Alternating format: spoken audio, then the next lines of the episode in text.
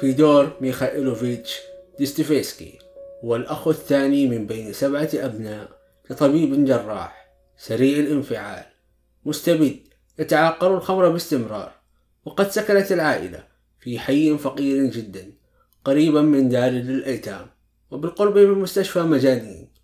كان يقصدها للاستماع إلى قصص نزلائها قد ترك المكانان أثرا كبيرا في شخصيته إضافة لتعرضه لنوبات صرع.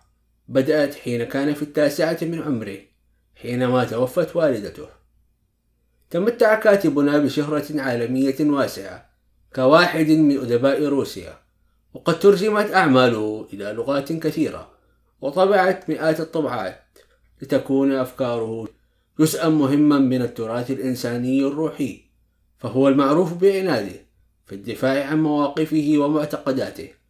وقد لمح في نفسه الأديب الواعي القادر على نقل الواقع فلم يلتحق بأي وظيفة تناسب دراسته للهندسة بل ترك الهندسة وتقرب من الأدباء والنقاد في كوكبة تناصر المدرسة الواقعية التي اشتهرت في منتصف القرن التاسع عشر. وقد أصدر في تلك المرحلة العديد من الأعمال الأدبية كالمساكين والليالي البيضاء قبل أن ينضم لمجموعة أدبية سرية لاحقتها الشرطة القيصرية الروسية حتى ألقت القبض عليها ومن بينهم كاتبنا الذي حكم عليه بالإعدام. ثم أعفي من الحكم لينفى بعد ذلك في سيبيريا لأربعة سنوات. تحدث كاتبنا عن تجربته تلك في مشهد رهيب خلال روايته الأبلة وتناول مسألة إدمانه على المقامرة وتدهور أحواله المادية. في روايته المقامر. وفي المرحلة الأخيرة من حياته أثمرت معارفه وتجربته الإنسانية والأدبية نصوصا فريدة خالدة. تحدث عنها الشارع الروسي ووصلت للعالمية ثم ازدهرت بعد, بعد ذلك.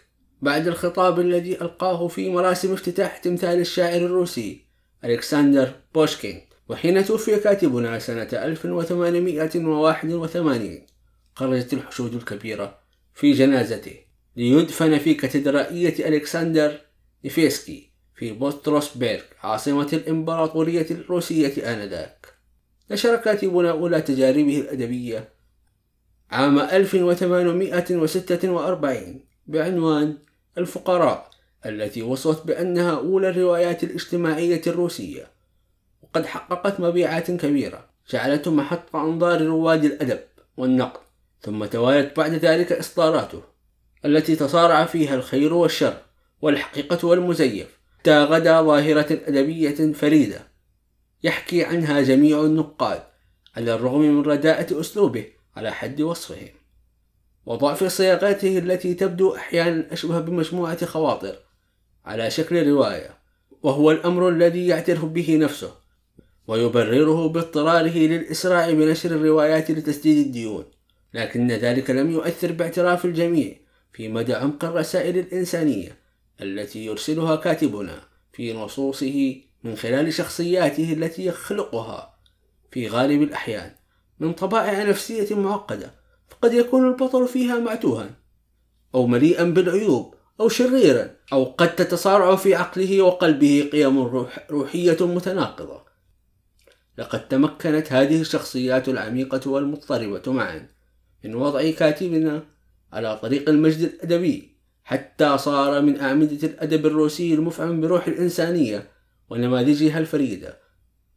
قد تمكن من الغوص في أعماق النفس البشرية وتوغل في بحورها المتقلبة حتى وصل إلى مناطق مجهولة في هذه النفس لم يصل لها أحد من الأدباء. فكون بذلك مدرسته النفسية والأدبية الخاصة التي بثها في مجموعة نتاجه الأدبي ولا سيما في أهم رواياته كرواية الأبلة ورواية المقامر وكذلك في درر إنتاجه الأدبي رواية الجريمة والعقاب وروايته الأخيرة الإخوة كرامازوف.